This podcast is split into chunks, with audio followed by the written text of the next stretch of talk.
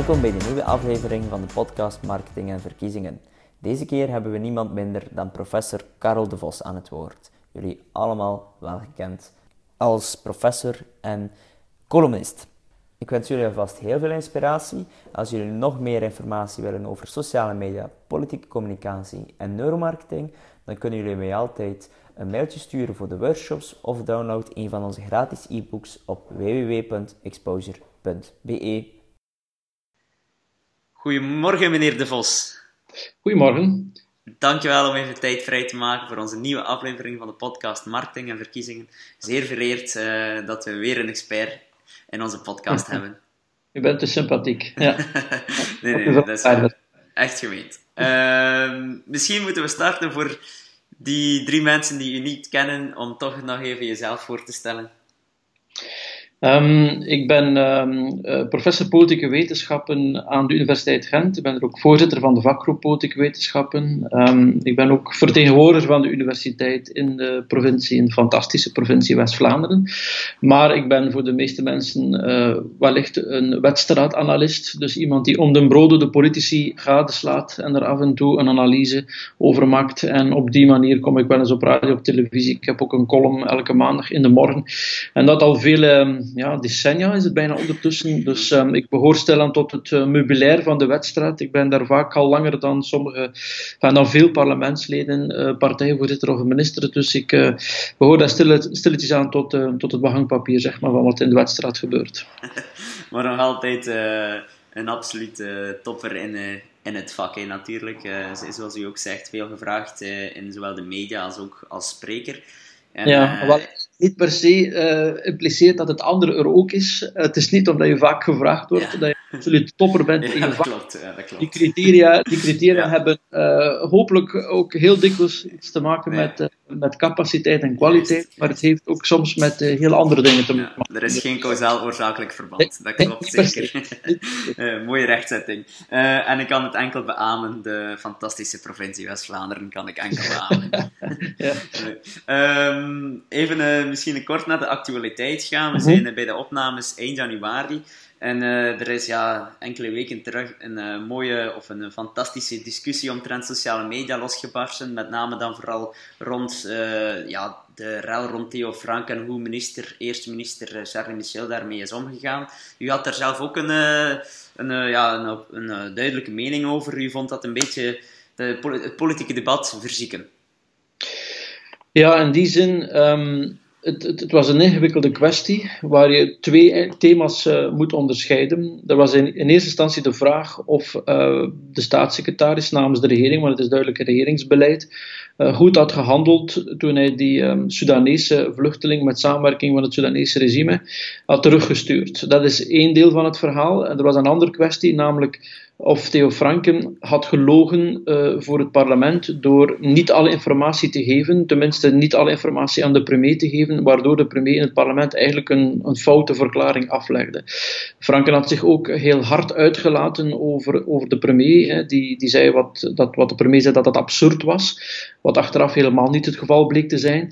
En het is um, ja, een ongeschreven wet in onze uh, politieke geschiedenis dat als een regeringslid zich zo hard uitspreekt over een eerste minister en bovendien ook informatie niet volledig deelt. Sommigen zeggen liegen, anderen zeggen onvolledige informatie meegeeft. In de, in de newspeak van Franke was het een communicatielijn aanhouden. Dat als een uh, regeringslid zoiets doet, dat hij eigenlijk ontslag moet nemen. En dus de vraag van de journalist was: um, moet Franken eigenlijk, of is het eigenlijk in die situatie aangewezen dat Franken ontslag neemt? Ik heb toen gezegd van in het verleden zou dat gebeurd zijn. Um, wat door sommigen aanzien wordt als een pleidooi of een expliciete vraag, al heb ik daar niets over te pleiten nog te vragen uh, dat Frank ontslag zou moeten nemen. Maar als je het even bekijkt in de lijn van de geschiedenis, dan zijn eerdere regeringsleden al voor veel minder opgestapt. En dus leek het mij in de logica van, van die geschiedenis ook um, een punt dat hij dat nu zou kunnen doen. Um, nu, er is daar toen zoals wel vaker gebeurt, helaas ook op sociale media heel veel om te doen geweest. Je had felle voorstanders en felle tegenstanders, die ondertussen ook niet zo heel veel meer met uh, elkaar praten, maar vooral over elkaar praten. Hè. Men kampeert eigenlijk in het eigen gelijk. En er worden uh, vooral uh, karikaturen, stereotypes en, um, en, beledigingen over en weer gestuurd. Maar er is vrij weinig um, opening naar um, ja, het bijsturen van de eigen opinie. En er is ook zijn ook vrij weinig argumenten die uitgewisseld worden. Dus als je bijvoorbeeld zei dat Franken, uh, gelet op wat het in ons systeem gebruikelijk is, in deze omstandigheid eigenlijk ontslag had moeten nemen, dan werd hij plotseling gelijkgesteld met uh, anti-NVA, anti-regeringsbeleid, extreem links, voor open grenzen uh, en noem maar op.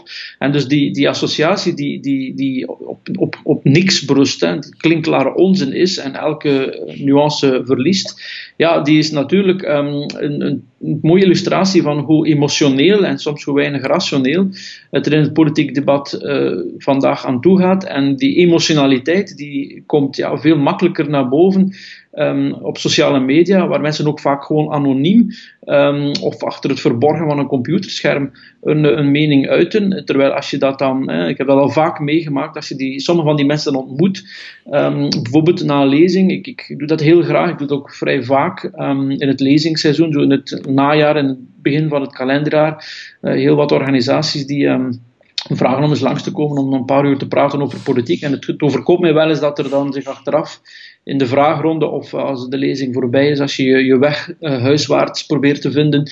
Um, en dan als alle fans uh, een handtekening hebben gekregen. Ja, en, niet die handtekening, maar mensen die nog uh, iets willen zeggen of vragen. is wel vrij plezant, maar het kan dan ook wel heel laat worden. Ja, ja.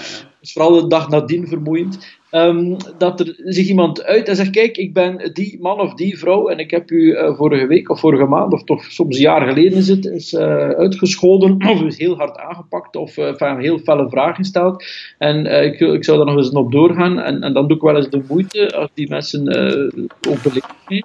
En, en dan merk je dat als je dan praat met iemand en echt tot een discussie komt, ja, dat, dat, dat dat een heel ander soort gesprek is, dat die ook een ander oordeel hebben op het eind van de rit. Dus dat dat, dat, illustreert voor mij en bewijst voor mij telkens hoe um, ook de format, de techniek van die sociale media een, ja, een bepaalde invloed hebben op hoe je je gedraagt. Hè. Het is zoals uh, mensen die in een auto, hè, die, die in, de afge, in de afgesloten wagen roepen en tieren en middenvingers en klaksoneren en wat assertief gedrag vertonen.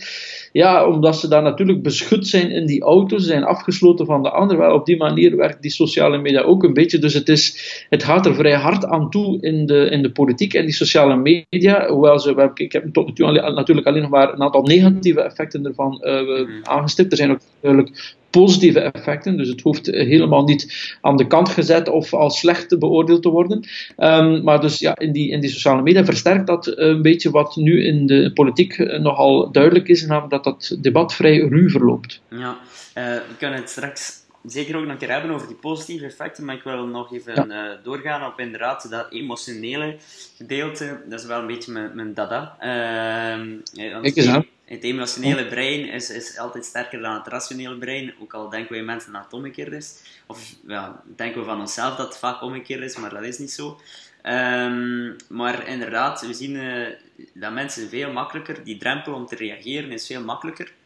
Maar uh, wel, zoals u ook zegt, van, als je dan effectief met de reacties aan de slag gaat, uh, dan merk je dat je toch er altijd iets positiefs van kan maken. En in vorige podcastafleveringen heb ik dat ook, tegen, uh, ook over met enkelen over gehad. Is mensen reageren eerst heel emotioneel, maar als je dan als politicus of politieke partij of politica op een zeer rationele manier en beleefde manier kan daarop ingaan en echt integer en empathisch kan uitleggen waarom dat je nu juist die beslissing hebt genomen, dan merk ik dat je van die emotionele reactie, die eerste negatieve emotionele reactie, altijd wel iets positiefs kan van maken.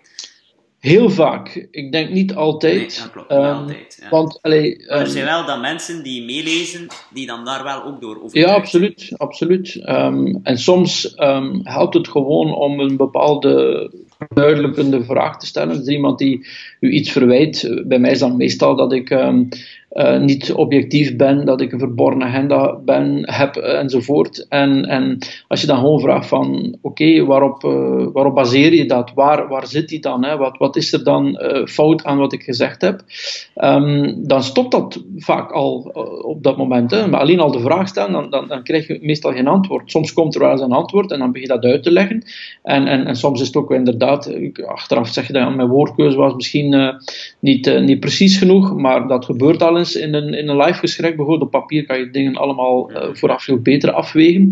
En dus ze hebben niet altijd alleen maar ongelijk, maar um, door een gesprek ja, is het resultaat wel eens dat, het, uh, dat, de, dat de kritiek um, verstopt of wegvalt. Maar er zijn ook een aantal mensen en die, die ook de moeite doen om, om mij mails te sturen. De meeste um, dingen komen bij mij via, via e-mail binnen.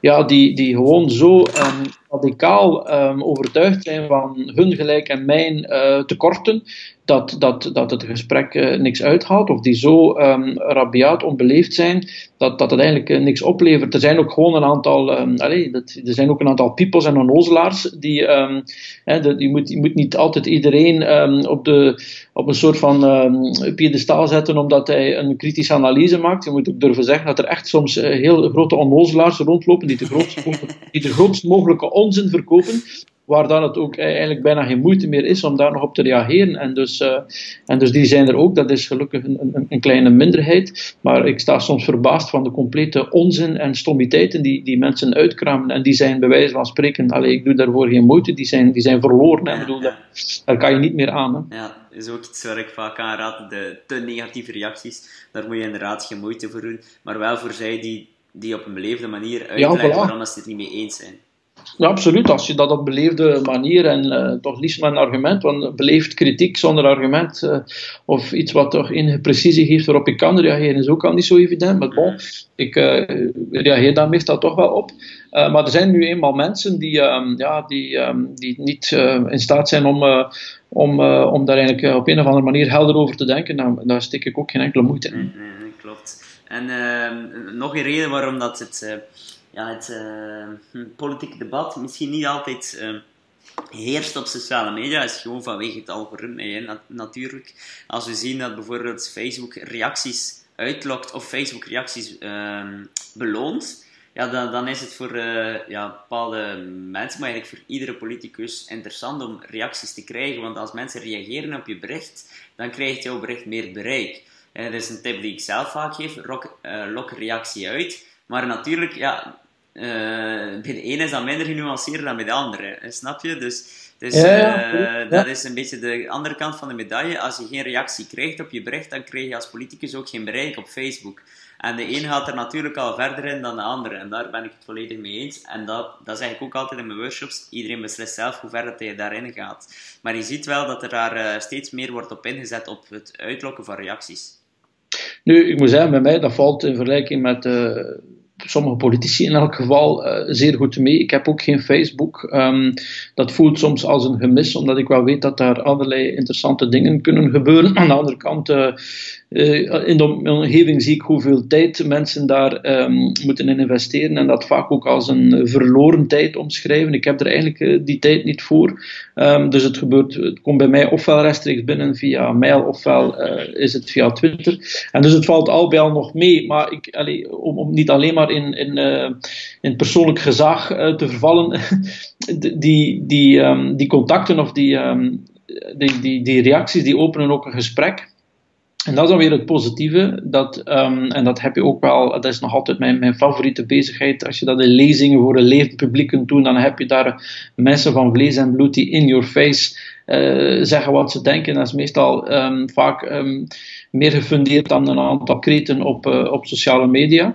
Maar het is ook zo dat je toch wel ook bijvoorbeeld uh, via mail, dat zijn oude media zeg maar, ondertussen is, is e-mail een oud medium geworden, um, dat, dat je daar ook wel heel interessante dingen over binnenkrijgt. En, en dat je daar ook zelf uit leert en de invalshoeken ziet, denk, waarvan je achteraf denkt van ja, dat, dat, dat helpt mij om mijn blik te verruimen en, en, en de, de tegenredenering die we altijd moeten maken, uh, ja, helpen opbouwen. Hè. Als je iets zegt, moet je altijd afvragen, is het tegendeel ook niet waar? Kan je net niet het omgekeerde met kun, ga je dat niet met evenveel overtuiging en evenveel argumenten brengen. Dus je moet dat je moet altijd op die manier uh, proberen te brengen, zodat uh, dat, dat um, goed is opgebouwd. En daar helpen die sociale media voor. Dus ik, ik steel ook verschrikkelijk veel um, van analyses en argumenten. We stelen allemaal van elkaar. En die zijn allemaal dieven, maar dat is een goede zaak, denk ik. ik, ik er wordt ook van mij veel gestolen, merk ik, maar ik vind dat eigenlijk een zeer groot compliment. Uh, zoals ik ook van mijn leermeesters steel. Um, en dus het, het, het helpt ook. Sociale media zijn dan een extra bron van informatie van inzicht. Dus het is, uh, en het is een manier om heel direct in contact te treden.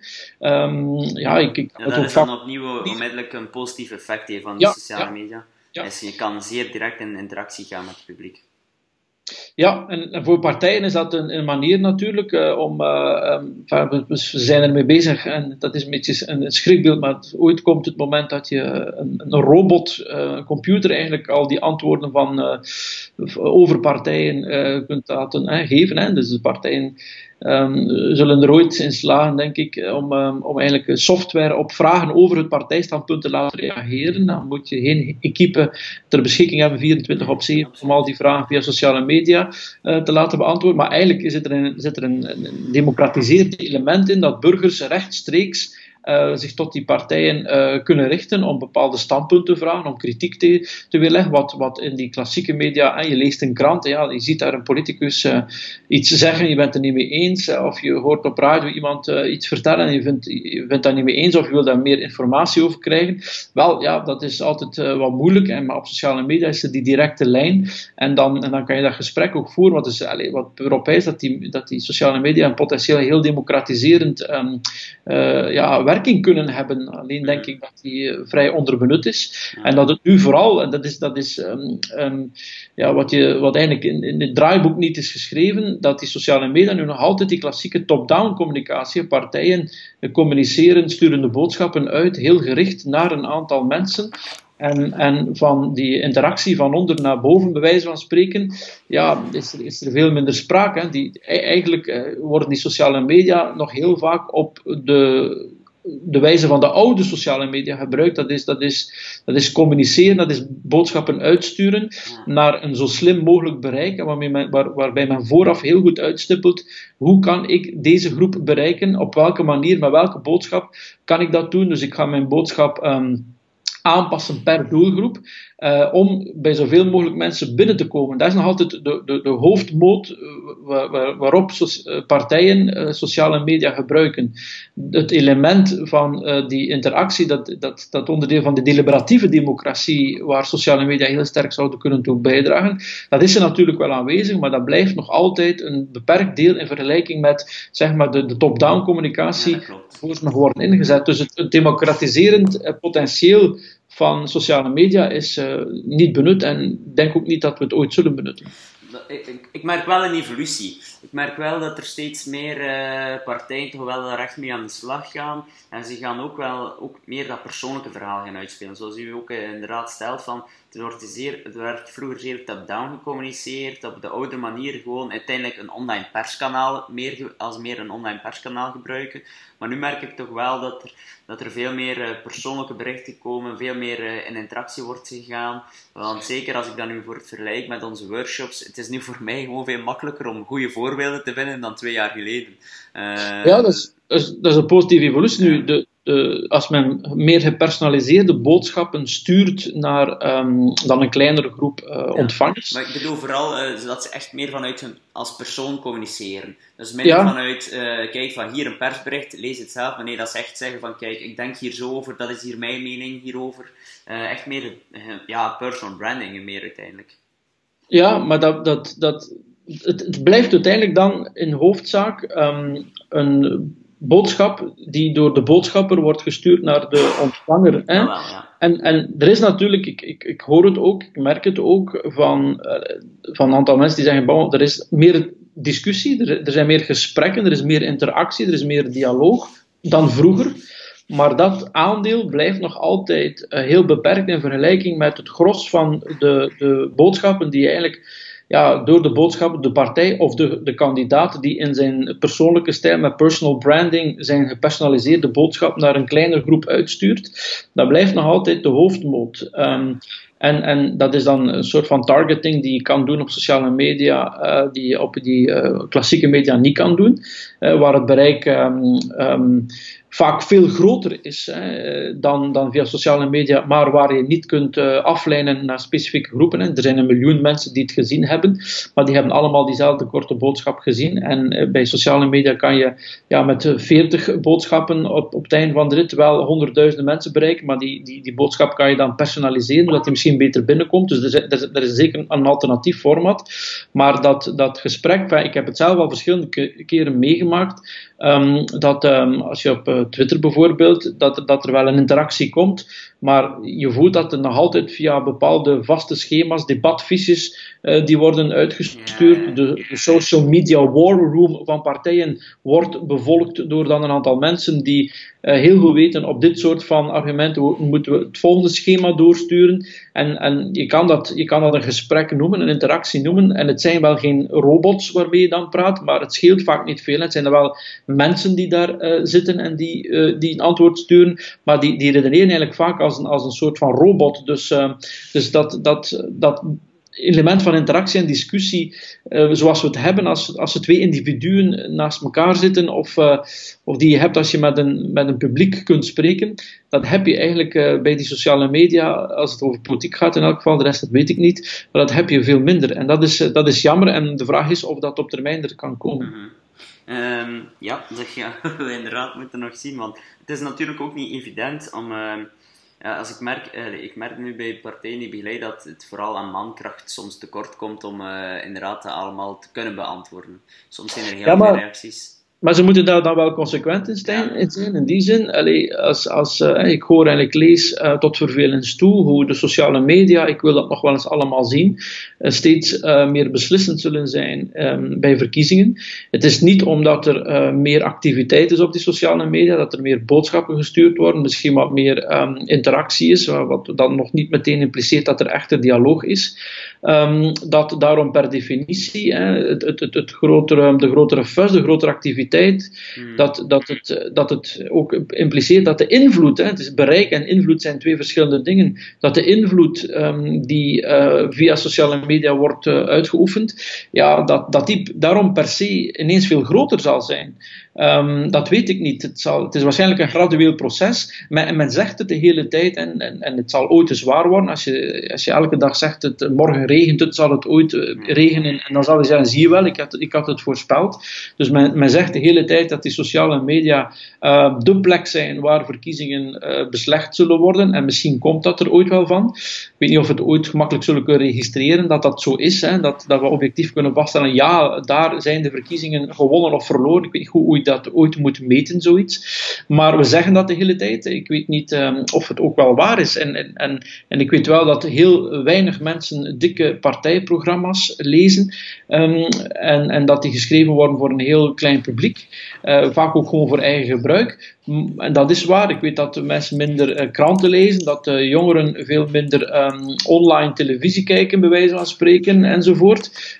Dat, dat gegeven enerzijds is niet per se, of leidt niet per se tot de gedachte dat dus sociale media voortaan het beslissend uh, medium zijn of de plaats zijn waar die verkiezingen beslecht worden. Want er is ook al uh, redelijk wel onderzoek naar gedaan vanuit politieke communicatie. En er is op dit moment uh, eigenlijk geen kausaal oorzakelijk verband tussen erg actief zijn op sociale media en verkiezingen winnen. Maar er is ook meer, want ik heb daar zelf heel veel onderzoeken over gelezen toen ik nog uh, studeerde aan de Universiteit in Antwerpen. En eigenlijk, heel vaak werd het onderzoek vroeger uitgevoerd om, met niet de juiste methodiek. Er werd gekeken naar kwantiteit van de berichten, ja, maar niet naar kwaliteit van de berichten. En op ja. dit moment wordt dat nu wel onderzocht. Op dit moment is er wel mee bezig. Voor het uh, podcast aflevering 6 had ik een gesprek met Sanne Kruikemeijer.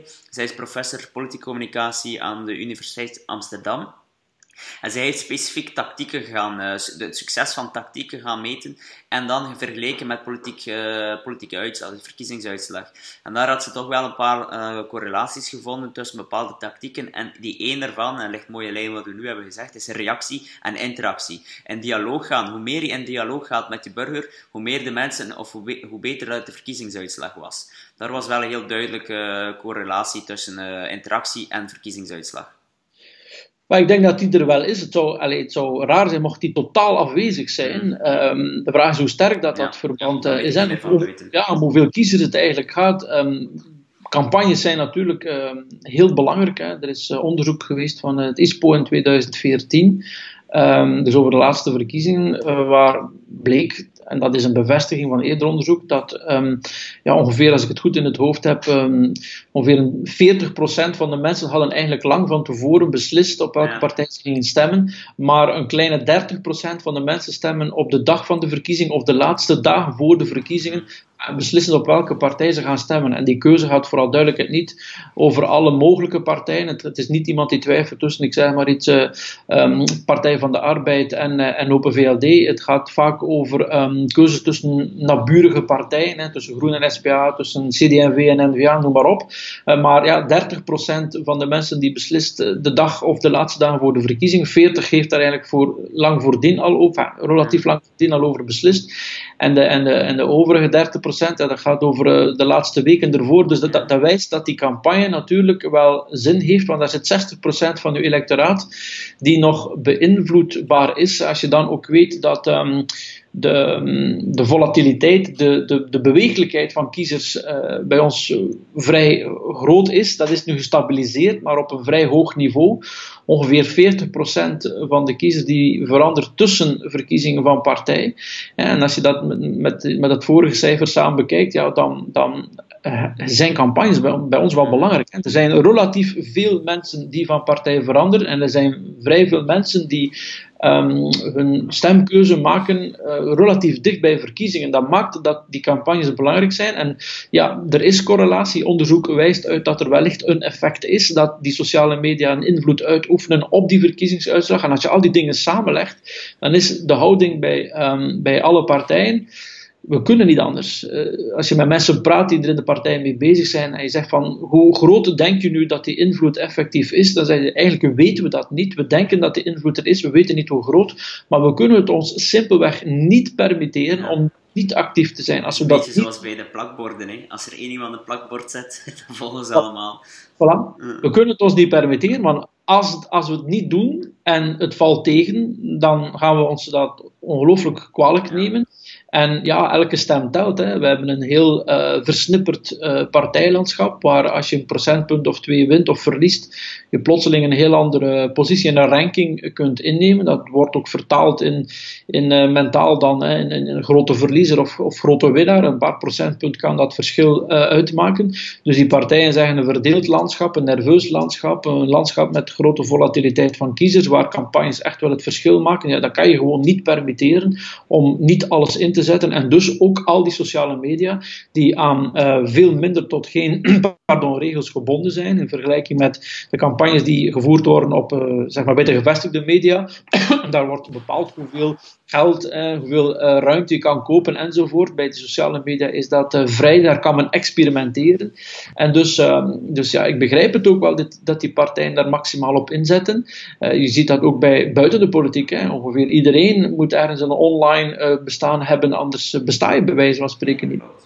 Ja. En uh, het, het, het, artificiële intelligentieverhaal wil ik ook nog even op terugkeren, omdat u het daar ook over had van uh, ja, chatrobots die gaan al die reacties gaan opvolgen. Ik denk inderdaad dat dat niet meer zo een, een ver verhaal is, maar dat dat op relatief korte termijn al mogelijk gaat zijn. Vorige week vrijdag zat ik bijvoorbeeld nog met een ingenieur samen, waarbij we eigenlijk, op, eigenlijk het al zouden kunnen doen zelfs. Ehm, op basis van alle data. Maar het probleem op dit moment in Vlaanderen is dat, er, uh, dat partijen heel weinig data bezitten. Dus uh, eigenlijk gaan, wij, uh, gaat er, gaan we eerst nog heel veel data moeten verzamelen. Terwijl in Nederland zijn ze daar al ver, ver voor. Maar is er ook gewoon veel meer data beschikbaar vanuit de overheid. Dus, ehm, maar ik, ik, vermoed niet dat, ik vermoed dat het wel er snel zal komen. En het zal misschien in eerste fase, fase nog een, een light versie zijn. Nog niet volledig artificiële intelligentie maar uh, eerder nog maar met workflows. Maar ik vermoed dat het er snel zal komen. Maar ik denk, allee, bij ons is natuurlijk in een klein taalgebied, Mhm. ehm, in een markt waar eh, de politieke spelers daar niet echt ehm, ver voorop lopen. Er zijn een aantal partijen die verder staan dan anderen, maar in vergelijking met sommige andere landen is het bij ons, en misschien is dat eh, ook wel geen slechte zaak, is dat bij ons nog allemaal vrij onderontwikkeld. Ehm, maar in zekere, allee, in taal, Engelstalige gebieden, dus waar een grotere markt voor is, denk ik dat het vrij, ik had er onlangs nog eens over met, met een eh, collega die daarin thuis is, dat het te verwachten valt dat er ooit effectief wel met, eh, ja, met artificiële intelligentie ehm, gewerkt zal kunnen worden. Wat, wat je nu al voor een stuk ziet, is natuurlijk eh, nog helemaal dat niet. Hè, maar als ik bijvoorbeeld zelf ehm, zie hoeveel ehm, ja, fake volgers ik bijvoorbeeld op Twitter heb. Hè. Dus de, er is een periode geweest, dat is nu wat kalmer geworden, maar eh, dat viel vele mensen op, waar je bijna elke dag 10, 20, 30 eh, volgers bij kreeg, die zelf eh, maar één iemand anders volgen of met heel bizarre namen en die nog nooit iets getweet hebben. Dus er zijn zeker allerlei spelers actief op Twitter, wat toch een vrij ja, beperkt medium is in de zin dat, dat er maar relatief weinig mensen op actief zijn. Vaak ook wel politici, opiniemakers, opinieleiders, maar toch, dat heeft niet zo'n gigantisch bereik. En soms verschijnt er wel eens in een krant een tweet van de een of de ander, wat dan lijkt alsof Twitter een ongelooflijk invloedrijk medium is. Um, dat is het niet echt, maar, maar als men daar al de moeite doet om, uh, om daar um, ja, te investeren, wie, wie en waarom weet ik niet precies, maar je voelt het zelf bij eigen, uh, bij eigen volgers dat er iets aan het gebeuren is wat toch wel vragen doet reizen. Waarom? Wat, met, met welke, um, wie zit daarachter enzovoort. Dat, dat wijst er toch op dat um, dit, dit sociale media uh, ja, vatbaarder zijn om gekaapt te worden door allerlei obscure malafide processen dan bijvoorbeeld. Um, allez, ik heb meer vertrouwen uh, in, in een redactieraad van een krant, van een radio, van een televisiezender die debat maakt, die duidingsprogramma's maakt. Ik heb meer vertrouwen in, in, de, in, in, in het proces dat daar gebeurt dan ik vertrouwen heb in sociale media om, om, om, om duiding en, informatie te geven over wat er gebeurt in de politiek. Want daar zijn processen bezig die ik niet ken, maar die ik ook niet vertrouw. Dus um, ik maak me daar wel zorgen over. Uh, ja, dus ik denk ook wel iets, uh, en dat vertel ik toch ook wel in de workshops. Uh, ik ben niet zo de, de spindokter als uh, soms wordt gedacht, die zo over lijken gaat, uh, die niet met niets inzet. Maar het is wel een sterk maatschappelijk uh, debat moet er wel aan gekoppeld worden. En ik denk, ik heb nu ook al met enkele journalisten samengezeten en, en ik, dat mis ik wel nog een beetje over het al, in het algemeen. Dat wordt nu wel meer en meer gedaan. Het maatschappelijk debat rond rond welke impact sociale media hebben. En niet alleen in de politiek, maar gewoon overal. Want ook hoe je je opinie vormt. Want wat je ziet op Facebook is meestal maar een bevestiging. Maar we, liggen daar zo, allez, we zijn daar zo ons weinig van bewust ja. dat er, uh, dat er wel Absoluut. meer maatschappelijk debat mag zijn rond de impact van uh, sociale media op onze opinievorming. Ja, vroeger, um, in de tijd van de verzuiling, uh, werden dat wel eens um, ideologische eilanden ja, ja. genoemd. Hè. Je, je, werd geboren in een katholiek nest, om het prototype te gebruiken. Uh, je ging naar een katholieke school, katholieke jeugdbeweging, je las een katholieke krant, uh, katholieke vakbond, katholieke partij enzovoort.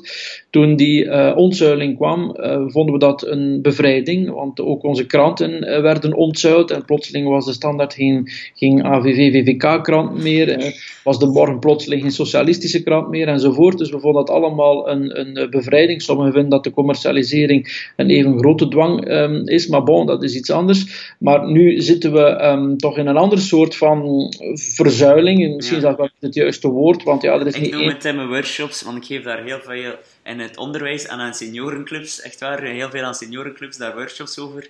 Uh, en ik noem het altijd de, de digitale verzuiling.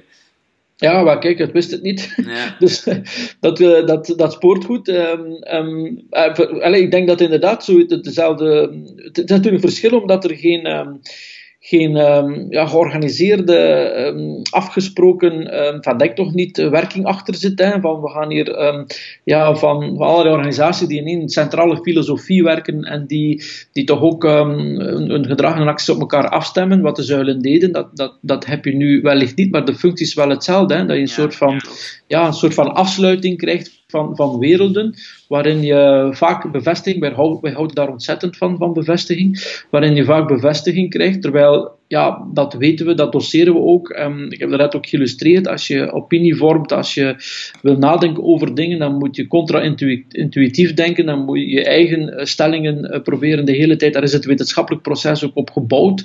Om eigenlijk de hele tijd uw, um, uw, zekerheden in vraag te stellen.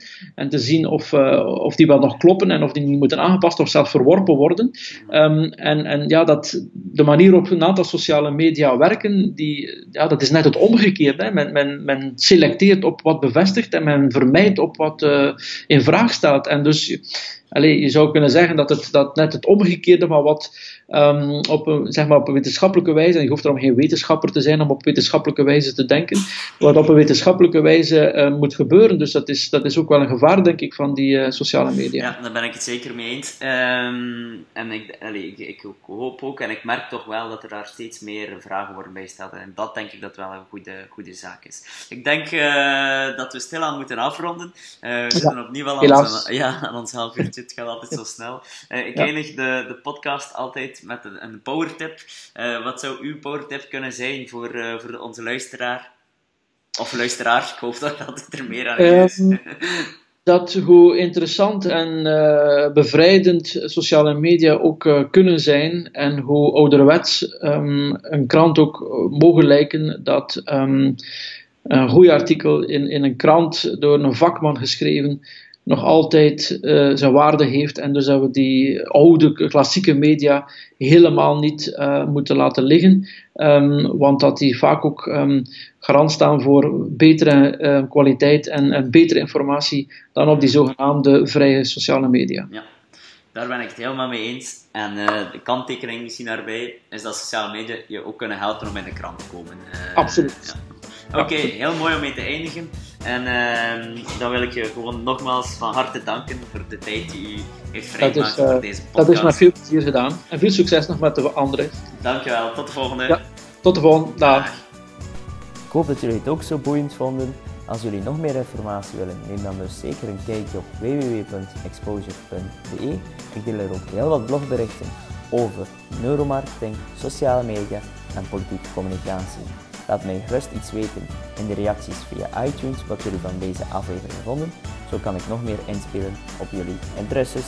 En aarzel zeker niet om mij te contacteren indien je interesse hebt in een van de workshops. Wij geven heel veel fysieke workshops, maar ook heel veel online workshops. En alvast nog heel veel succes in alles wat je doet. Tot de volgende!